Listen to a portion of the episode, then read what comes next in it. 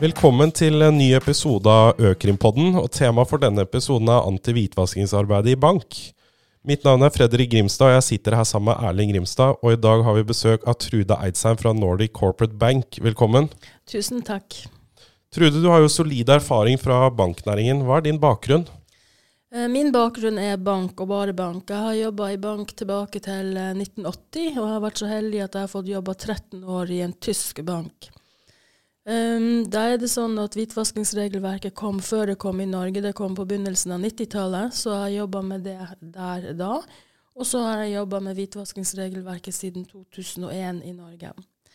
Uh, jeg har uh, vært veldig heldig og også fått jobba innenfor alle delene av verdikjeden i en bank, sånn at jeg har fått mulighet til å se hvordan hvitvaskingsregelverket berører de ulike områdene innenfor bank.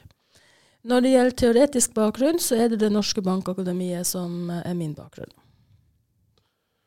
Hva mener du er de største utfordringene for banker ved etterlevelsen av eh, hvitvaskingsregelverket?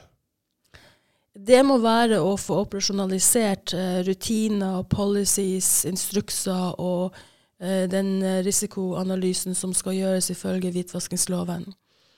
Eh, de fleste har et godt uh, rutineverk eh, i papir, men det er vanskelig å få det ned på den enkelte sin arbeidsplass, og da er det også vanskelig for at den enkelte får eierskap til det som skal gjøres.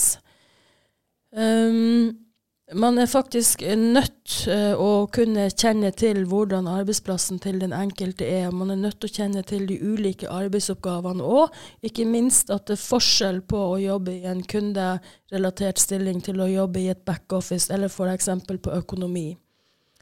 Uh, og det tror jeg er noe som samtlige av uh, bankene sliter med å få tydeliggjort og få et godt eierskap hos de ansatte til. Trude, kan du fortelle om betydningen av tonen på toppen for å kunne etterleve hvitvaskingsregelverket? Tonen på toppen betyr alt. Um, som sagt så gjelder regelverket hele, uh, hele, kjeden, hele verdikjeden i en bank, i en virksomhet som er rapporteringspliktig. Uh, ved uh, at de som sitter i styret og i ledelse har fokus på det her, så vil det være en naturlig del nedover i organisasjonen. Eh, man vil uh, se at uh, det blir implementert i de ulike avdelingene. Man vil også se at det brukes tid og ressurser på det. Og den som da skal være hvitvaskingsansvarlig, som skal utøve dette arbeidet, vil også få nødvendig styrke i sitt arbeid til å få gjennomslag i de ulike tingene som skal gjøres. Det er jo ikke tvil om at enkelte av de tingene som man må gjøre for å være compliant, oppfattes som hessel i mange deler av organisasjonen. Min erfaring med det her er at hvis du har ledelsen med deg, og de er styrende i det her arbeidet i forhold til å si at det her skal vi delta på, det her skal vi etterkomme, så er det mye lettere å få de ansatte til å gjøre det, oppfatte det som en viktig del av arbeidsdagen og få eierskap til det. Det er, eh, det er, nå oktober 2019, og vi vet at Finanstilsynet har sendt eh, brev til uh, veldig mange banker i Norge hvor de har bedt eh, bankene om å innrapportere eventuelle mangler i forhold til kundetiltak, eventuelle kunder de fortsatt har med fiktive kundenummer, om det er kunder som ikke har utfylt kundeerklæringsskjema, eller om det er noen mangler ved legitimasjon i forhold til kundeforhold. Det brevet gikk ut i juli 2019 med svarfrist 20.8. Og så har vi forstått at eh, det er en del banker som faktisk har rapportert om eh, relativt betydelig avvik. Og Finanstilsynet har fulgt opp det med et nytt brev hvor bankene har fått frist til 17.1.2020 med å lukke gapene og oppfylle disse kundetiltakene. Kan du fortelle litt om hvordan dere, eh, og med din erfaring fra bank, hvordan dere da etterlever disse reglene som jeg har snakket om nå? Onboarding av kunder er noe av det viktigste man gjør. Eh, og det er i det øyeblikket hvor kunden for første gang kommer til deg, at det er naturlig å stille de spørsmålene som man eh, har behov for. Eh, det er også viktig at man sjekker det som kunden da eh, oppgir av informasjon. Um, ved å onboarde en kunde, så er det ikke slik at det er nok å vite hvem kunden er. Du må også kaste et lys over hva kunden gjør Og er det da en næringslivskunde, så er det veldig viktig å vite hvem som er kundens samarbeidspartnere. Eh, I det øyeblikket hvor du da får en ny kunde inn i virksomheten din, det er da du eh, skal lære kunden å kjenne, og kunden skal lære deg å kjenne. Det er da det er naturlig å be om en rekke informasjon. Hvis du kommer tilbake og skal gjøre det om to-tre år, så er ikke det like naturlig. Jeg pleier å si at uh, kundetiltaksskjema er en egen erklæring. Kunden skal fritt oppgi det som vi etterspør, uh, slik kunden oppfatter at han er. Og så skal vi sjekke at vi finner de opplysningene som ligger ute tilgjengelig, og at det stemmer overens med de tingene. Så er det slik at uh, både risikoanalysen, men også regelverket setter opp en del ting som gjør at du da skal ha forsterka kontroll, f.eks. i PEP-sammenheng. Og da er du jo nødt til å gå tilbake før du etablerer kundeforholdet og undersøke ytterligere. Så det uh, som du gjør i onboardingsøyemed, er veldig, veldig viktig i forhold til grunnlaget for å kunne oppdage hvitvasking eller terrorfinansiering. Og så er det jo sånn at du må med regelmessige avstander også gjøre en oppfølging, en ongoing due diligence, i forhold til å se om kunden har forandra atferd, om den bruker de produktene som oppgitt, og mange flere ting. Det er veldig kjent, og vi vet det, at uh, flere kunder etablerer kundeforhold for å se hvordan banken opererer, for å se hva banken spør om, for å se hvordan systemene fungerer, for så, når de har funnet ut av det, og kanskje gjøre det som ikke er som det skal være. Mange banker lener seg jo ofte på pass for å identifisere kunden. Eh, og det er jo ikke noe pålegg i Norge om at eh, hver borger skal ha pass. Og det er også Datatilsynet uttalt i forbindelse med eh, informasjon banker gir ut til sine kunder. Har du noen forslag hvordan kan bankene enkelt identifisere sine kunder uten pass? Ja, uh, det her er jo et uh, spørsmål som uh, rammer ting som vi som jobber med anti-money laundering i flere år har jobba med. Vi vil gjerne ha et nasjonalt ID-kort. Jeg vet ikke hvor mange år vi har holdt på å be om det. nå har vi jo fått bank-ID, og vi bruker jo bank-ID så langt som vi kan. Men hvis du ikke er norsk statsborger og har norsk fødsels- og personnummer, så får du ikke bank-ID. Og da er det jo pass, eller det som måtte være adekvate dokument, som f.eks. nedover i Europa, EU-kortet eller personalosveis. Eh, og da eh, er det jo sånn at du slettes ikke alle gangene kan se kunden, men du må bruke andre instanser for å få det her bekrefta. Og det er jo forskjellig fra land til land eh, hva man da ønsker å bruke, og hvor godt eh, det er. Eh, og så må du jo da gjøre tilleggsting for å ytterligere være sikker på at, kunden, at kunden er den som han utgir seg for å være. Eh, kanskje en konsekvens av disse brevene vi tidligere har nevnt fra Finanstilsynet, er at eh, det er en økning i behovet for å få pass. Eh, politiet har jo meldt om den siste tiden at det er mer enn 40 eh, økning når det gjelder pågang for, for utstedt eh, nye pass. Så det kan eh, være et eksempel på hvordan utslagene gjør seg gjeldende overfor andre instanser. Men jeg tenkte jeg skulle bare spørre om en veldig spesiell ting knyttet til dette med kundetiltak. Hva med kausjonister og legitimasjon og verifisering av legitimasjon i forhold til kausjonister etter regelverket? Har du noen synspunkter på det? Ja, Det er jo eh, veldig interessant, fordi at det er ikke noe krav til legitimering av kausjonister eller kundetiltak på kausjonister. Eh, og det kan man jo spørre seg hvorfor, for en kausjonist er jo en som skal overta et låneengasjement hvis det går surt, og hvis du må realisere den sikkerheten du har. Og det er en kausjon. Sånn at eh, vi eh, har stramma inn og sagt at vi skal ha legitimering på kausjonisten. Og hvis den da må tiltre eh, som eh, sikkerhet, at vi må bruke den, så må vi også gå ut og hente kundetiltak på den.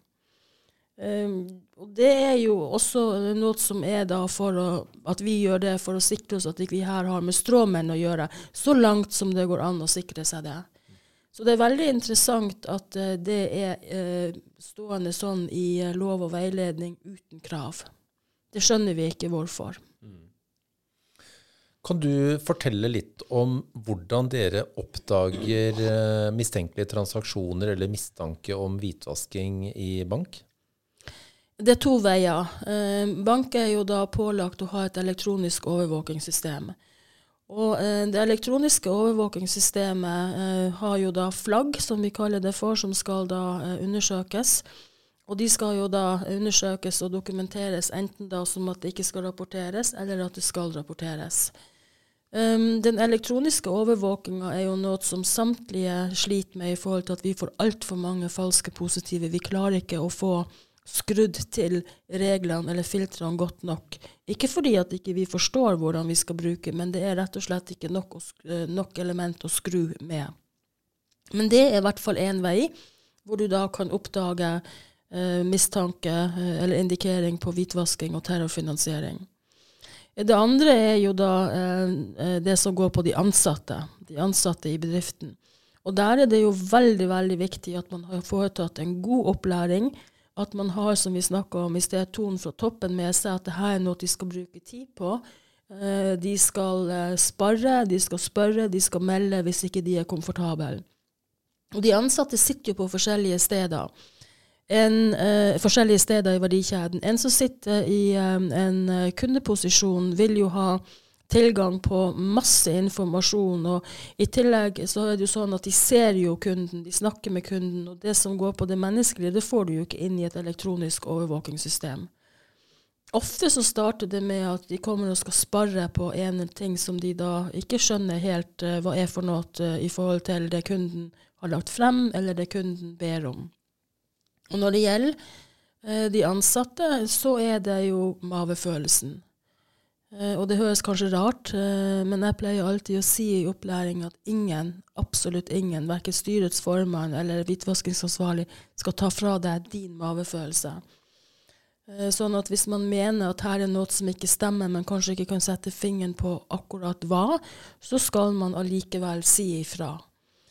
Men det krever som sagt god opplæring, forståelse for at man skal bruke tid på det her og man må få de ansatte til å få da, det eierskapet som vi snakka om innledningsvis, for at de skal gjøre det.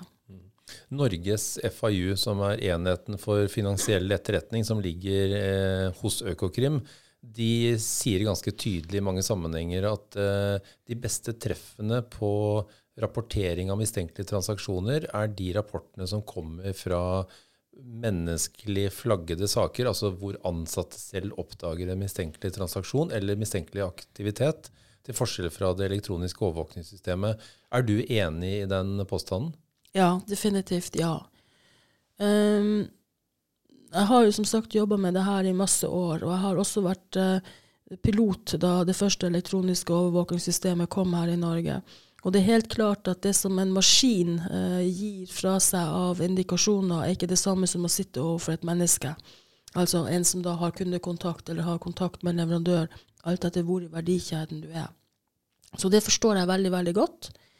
Um, I tillegg til at du har liksom skrift og, og, og, ordspråk, så har du et kroppslig språk, og det får du ikke ut av en elektronisk overvåking.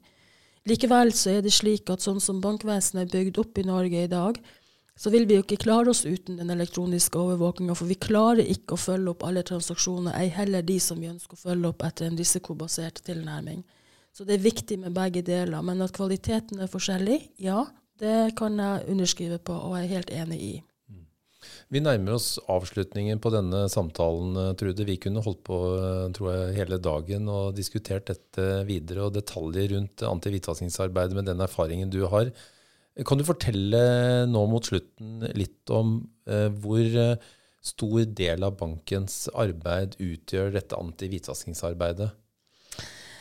Um, ja, hva skal jeg si? Det er et vanskelig spørsmål. Skal jeg si at det spørsmålet jeg håper på å ikke få, um, det er veldig vanskelig. Um, det er slik at det er en grunnmur i loven om uh, hva som skal være på plass i en bank. Eh, og det er mye. Eh, og det skal hele tida følges opp, og det skal hele tida holdes oppdatert. Og vi sitter med en ny lov som ikke har virka veldig lenge, sånn at her vil være mange erfaringer som kommer inn i nærmeste tida som gjør at man må oppdatere. Um, jeg vil si at en liten bank som oss, da, som er nystarta, et årsverk til å følge opp denne her i oppstartsfasen og få det opp å stå, det er nødvendig.